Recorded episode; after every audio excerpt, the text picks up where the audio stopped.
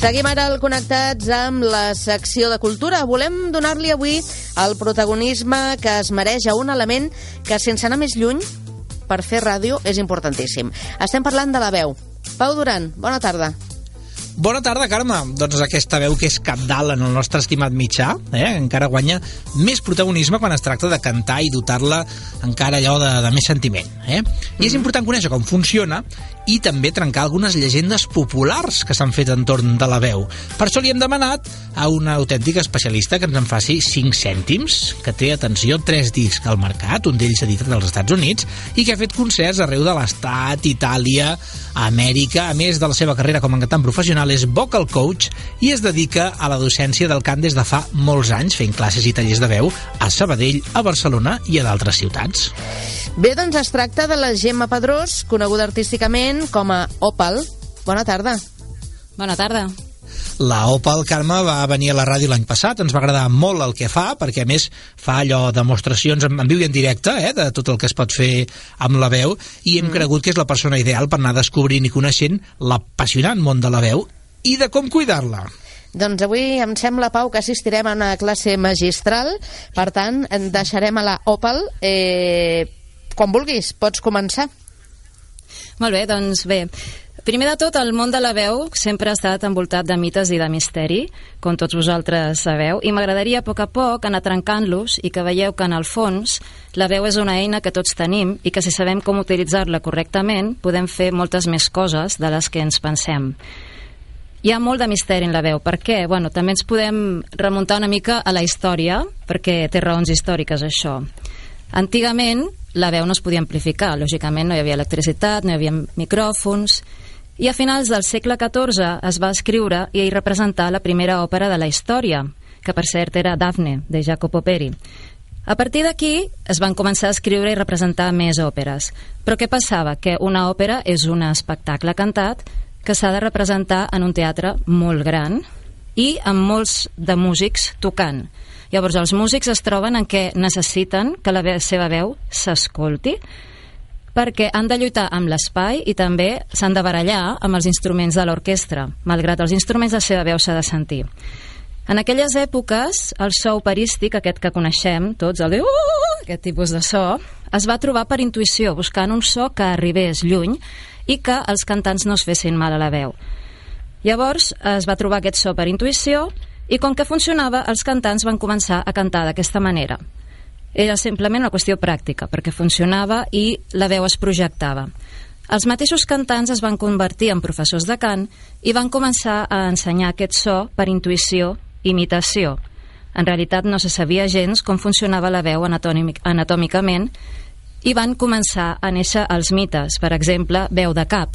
Per què ve la, veu, la paraula veu de cap? Doncs perquè en determinats moments, quan fas notes molt agudes, sents com que et ressona el cap, però la veu no està al cap encara que ho sembli, no? Encara que ho sembli, no està al cap, no?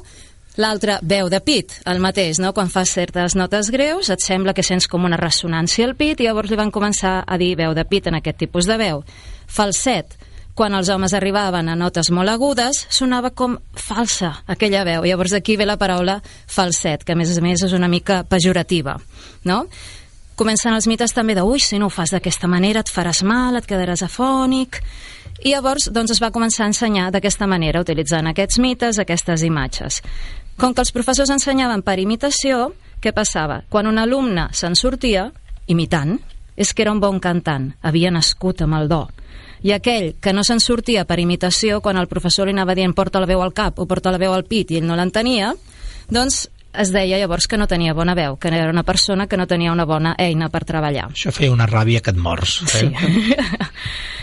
Llavors, no és fins al segle XX, molts segles després, que apareix el micròfon. I, és clar, els cantants populars, els que volen cantar la música moderna, anem a dir entre cometes, no volen aquell so per cantar d'aquesta manera. Què passa? Quan un cantant de, de música moderna vol aprendre a cantar, se'n va un professor de cant, i el professor de cant que li diu que l'única manera de cantar correcta és de manera operística, perquè és l'única amb el seu temps que el professor ha après. Llavors, cap cantant d'aquelles èpoques, cap cantant modern es va trobar amb un professor de cant que l'ensenyés a cantar amb una veu més natural, diríem. Val? Quanta gent no haurà deixat d'aprendre a cantar perquè deia, no, no, jo aquest rotllo a mi no em va. Exacte. Val? Llavors, els, els cantants aquests es van haver de buscar la vida i van començar a buscar el seu so natural per intuïció, a cegues totalment. Què va passar? Que alguns se'n van sortir, digue-se Elvis Presley, digue-se alguns dels anteriors, però molts no. Molts cantants que cantaven modern i intentaven fer sons doncs, més de so trencada o de crits o coses així, es van fer mal.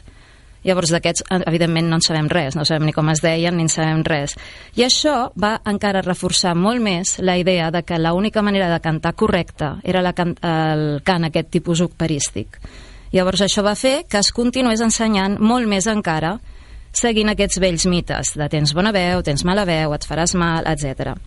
I això va fer també que dins de la societat, dins de la gent, s'extengués també la idea de que hi ha certs sons que són bons i d'altres que són dolents. Val? Si fas això, és molt bo per la teva veu, però si fas això, no, et faràs molt mal. Val? és que és així, sempre, tota la vida he sentit t'ho dir. Ah, exacte, però no és cert ni una cosa ni l'altra. O sigui, no és cert que només puguis cantar d'una manera o que si fas certs sons et fas mal. Tot això són vells mites. Què passa? Que avui en dia seguim pensant, molts de nosaltres, que neixes amb una bona o amb una mala veu. Val? I per això, quan escoltem un cantant, pensem coses com oh, quina veu més maca, té una veu increïble, segur que va néixer amb aquesta veu. O per al contrari, pensem com pot ser que no s'estigui destrossant la veu fent això, no? Per exemple, el dels ACDC, no? Pues si el senyor dels ACDC s'hagués destrossat la veu, no hagués portat, no sé, ara quants anys, sí, 30 o 40 anys de carrera, que el senyor es va, evitar, es va retirar dels escenaris per problemes a l'oïda, no, a la, no a les cordes vocals. Val? O alguns que diuen a vegades, no, està mig any en silenci, ah, no en monestir, perquè si no la veu... Sí, eh? tot això és, és mentida, val? Però ho seguim arrossegant en la societat d'avui en dia, val? Llavors, per això en aquesta secció mm, faré anàlisi de cantants en diferents cançons per disseccionar una miqueta el que fan i us aniré explicant quins recursos utilitzen per interpretar les cançons. Ara, ara Serà comença lo bo, eh? Sí, això, això. Ara s'acaba la introducció no. i comença ja... Ara bueno, no, ara ja veiem els exemples clars i directes. Sí, sí, però és que la introducció és important, oh, perquè tant, a mi m'agrada M'agrada molt explicar-ho això, perquè si no la gent segueix amb aquesta idea de que només ho pots fer si has nascut amb el do, i no és cert. Mm? Mm. Llavors també, no avui perquè avui és el primer dia, però serà una secció oberta a preguntes i dubtes i espero que a poc a poc doncs, el món de la veu deixi de ser tan misteriós per tots vosaltres i que en pugueu gaudir molt més. Avui, per començar, m'agradaria presentar-vos el que en diem els modes vocals o el que seria, traduït al llenguatge popular, els diferents tipus, tipus de veu que tots podem fer perquè veieu que quan som conscients del que podem fer amb aquests diferents sons, aprenem a fer-los de manera sana, podem treure-li molts matisos i expressions a la nostra veu. Començaré primer amb el que és el mode de veu neutral, que alguna gent seria el que en diuen la veu de cap, per uh mhm. -huh. exemple, val? que és un tipus de veu que té una característica d'un so suau, dolç, càlid, no agressiu, i és la veu amb la que a Occident, normalment, i aquí, toma, una altra cosa que ens passa. Se'ns acostuma a cantar les noies a l'escola. És una qüestió totalment cultural. Es pensa que és una veu més femenina, però els nois també la fan. Mm? En els nois també se'ls diu falset quan la utilitzen. O sigui, l'exemple seria quan ens diuen a l'escola cantar El gegant del pi, ara balla, ara balla, amb aquesta veu més així, més fina i més dolça. Val? Us faig escoltar un parell de temes que segur que us sonaran amb aquesta veu, amb la veu neutral. Primer escoltarem una veu de dona fent aquest tipus de veu.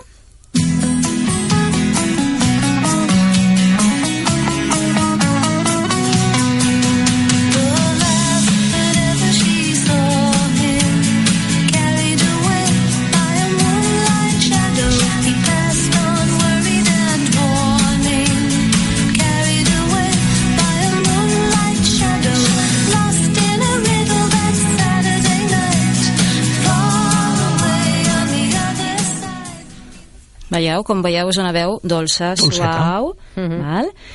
Però els homes també fan aquest tipus de veu, i molt més sovint del que pensem. Aquí tenim a un dels grans fent la veu neutral. Mm love of my life.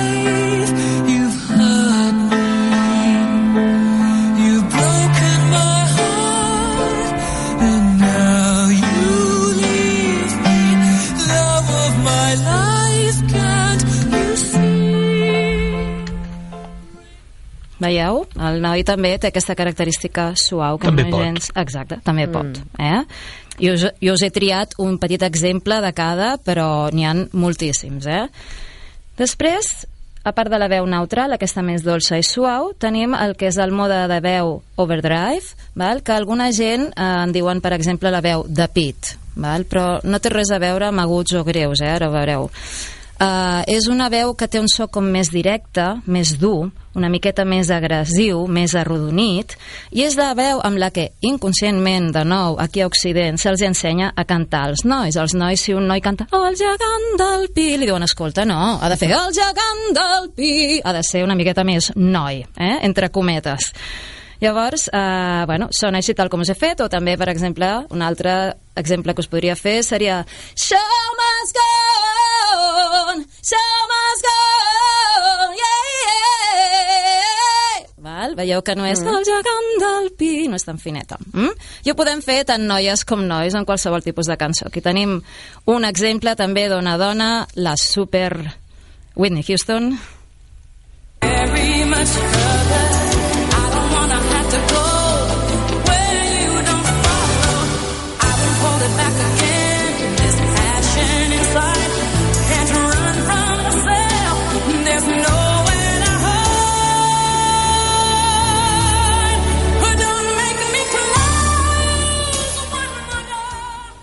Veieu aquesta característica com més directa? Mm. Sí. Lo d'agressiva és un, una paraula totalment subjectiva, eh? Perquè d'agressiva no té podríem res. dir, no? Exacte, sí, amb força, val? que no té res a veure amb la de la Maggie Reilly, de la cançó que hem escoltat abans, de The last that ever she saw him.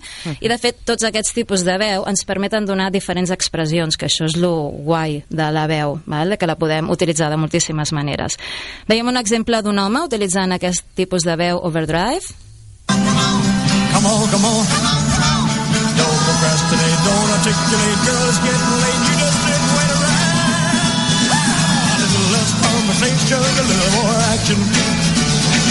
All this aggravation ain't satisfaction in me. A little more fight, a little less spark. A little less fight, a little more spark. Shut your mouth and open up your heart, baby, satisfy me. El rei del rock. El rei del rock, Elvis l'Elvis Presley. Presley. Aquest que no va anar amb un professor de cant clàssic. No. Aquest sempre cantava així, no? Sí, sí, sí, utilitzava moltíssim l'overdrive, però bé, quan eh, fem un proper dia una anàlisi d'una cançó, veurem que un mateix cantant, malgrat utilitzi, tingui preferència per un mode vocal, si és bo, els utilitza tots en una mateixa cançó, i l'Elvis també els utilitzava la resta, eh? Que és la gràcia, també, no? Exacte. No. Mm -hmm. eh? Després tenim un tercer mode vocal, tercer tipus de veu, que en diem edge, que s'assembla en l'overdrive en el sentit que també és un so així com més directe, més dur, amb força, val? però el que el diferencia de l'overdrive és que és més comprimit, no és tan rodó com l'overdrive, i és una miqueta més incisiu, sobretot si anem a notes agudes. Val?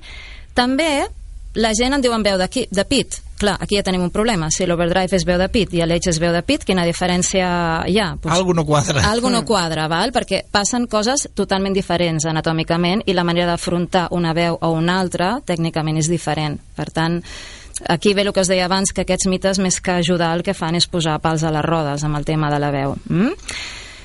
Doncs bé, us faig un exemple de l'Edge, aquest que s'assembla a l'Overdrive, però és una miqueta més incisiu, val? que s'utilitza bueno, moltíssim. Tenim gent com la Amy Winehouse, que l'utilitzava, l'Anastàcia, que ara l'escoltarem, l'Aretha Franklin, val? les dones així superpower, la Tina Turner, val? per exemple, seria fer això. Freedom, freedom, freedom, oh, freedom! Val? Espero no haver No pas- distorsionat res. El, el, el Roger, el nostre tècnic, està serè, vull dir que de moment no pateixo. Trobo meravellós per això que, que amb aquestes dècimes de segons puguis fer aquest canvi de registre, perquè precisament en un dels mites aquests que, que expliques, que ens han explicat tota la vida, sempre és com molt... No, saps allò? Exacte, sí. Uf, calma, i no sé què, i escalfar, i tal, Sí. i pim, pam, passa d'una a l'altra Que com no es si trenqui res. res, eh? No, no, no es trenca res. I això de l'escalfar també és un altre mite. Però bueno, ja anirem, ja anirem parlant de coses que tenim molt de temps en els propers mesos. Doncs, com us deia abans, l'Anastàcia utilitza molt aquest tipus de veu, a l'Edge. Podem escoltar-la aquí, en aquesta cançó.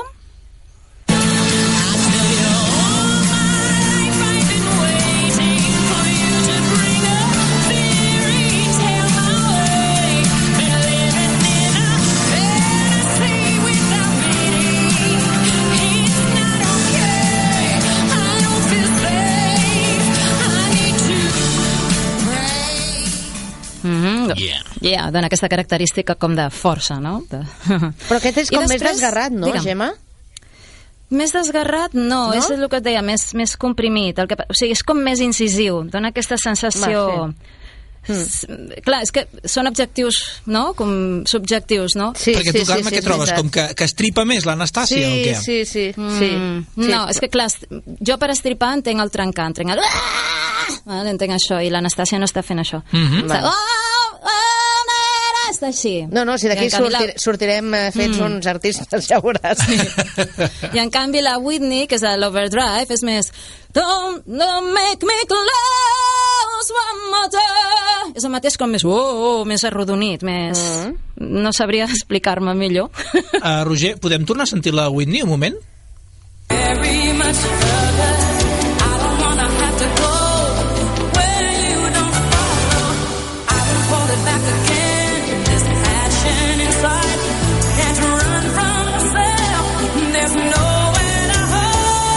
Aquest crit es veu claríssim. Clar, el, el, porta com... Em, em surt més com expansiu, penso, no? Exacte, I l'altre que sí. dius més comprimit és com que sembla que estigui un pèl més contingut. Mm, no, no és contingut, és com més aixafat. No Aixafat, sé. exacte, sí. això. Sí, l'Edge és, l'Edge és més com una fletxa, no? Taix! Sí. És com pa! I l'Overdrive és com més amb una cova. Uh! Mhm. Perquè ens... En... Bueno, és tot difícil a vegades Ja, ja arribarem, tu no et preocupis, eh, Gemma, que ja ens esforçarem una mica més per millorar. I, i a l'Edge també el, el podríem sentir amb un exemple masculí, Sí, no? a, abans de posar l'exemple masculí, ara aquest sí que escoltarem un edge, vale? però diria que aquí també va acompanyat de distorsió, diria que aquí sí que trenca ell, vale? que és l'Axel Rose. L'escoltem? El Guns N' Roses.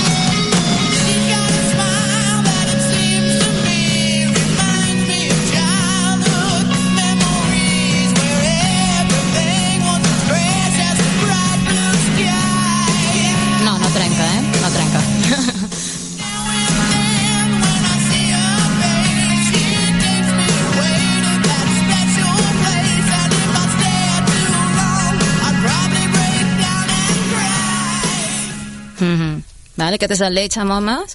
Ell no trenca majoritàriament, ho ha fet només en dos moments, molt petits, però també en un proper programa es puc parlar dels efectes, que és tot això, els trencats, Ahà. i totes aquestes coses que s'afegeixen, es posen a més a més del tipus de veu que utilitzes. Ens en queda un. Ens en queda un, que és el curving. El curving és un mode vocal que té força, però no l'acaba de treure tota. O sigui, aquest sí que és com contingut. És, té un so una mica com de queixa. ¿vale? És allò que quiero sacarlo, però no me, no me atrevo a sacarlo todo. Eh? I algunes persones d'aquest tipus de veu en diuen meu- veu mixta, s'utilitza molt amb el flamenco, amb el sul, i de fet avui en dia està moltíssim de moda en el pop rock també. Seria, per exemple, si us el fes jo... I keep on falling in love with you oh, que no és com eh, de l'Overdrive o eh, de l'Edge. Mm? Clar. Anem a escoltar una dona, Vinga, aquí escoltem. La Índia Martínez. Índia Martínez.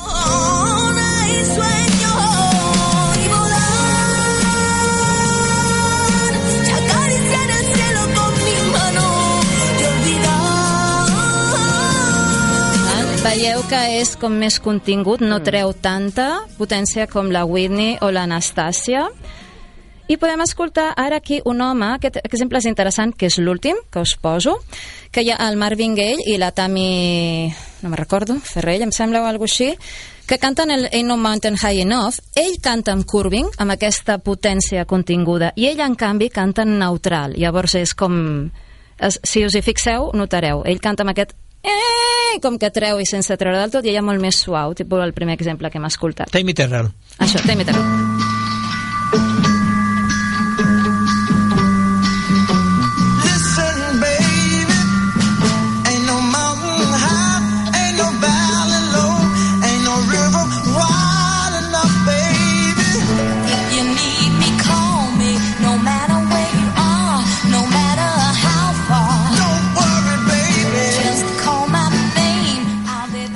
No sé si ho heu pogut apreciar, però passa això. Hi ha un contrast entre els dos, no? Exacte. Cadascú fa un, una figura diferent. Exacte. Bueno, se'ns acaba el temps.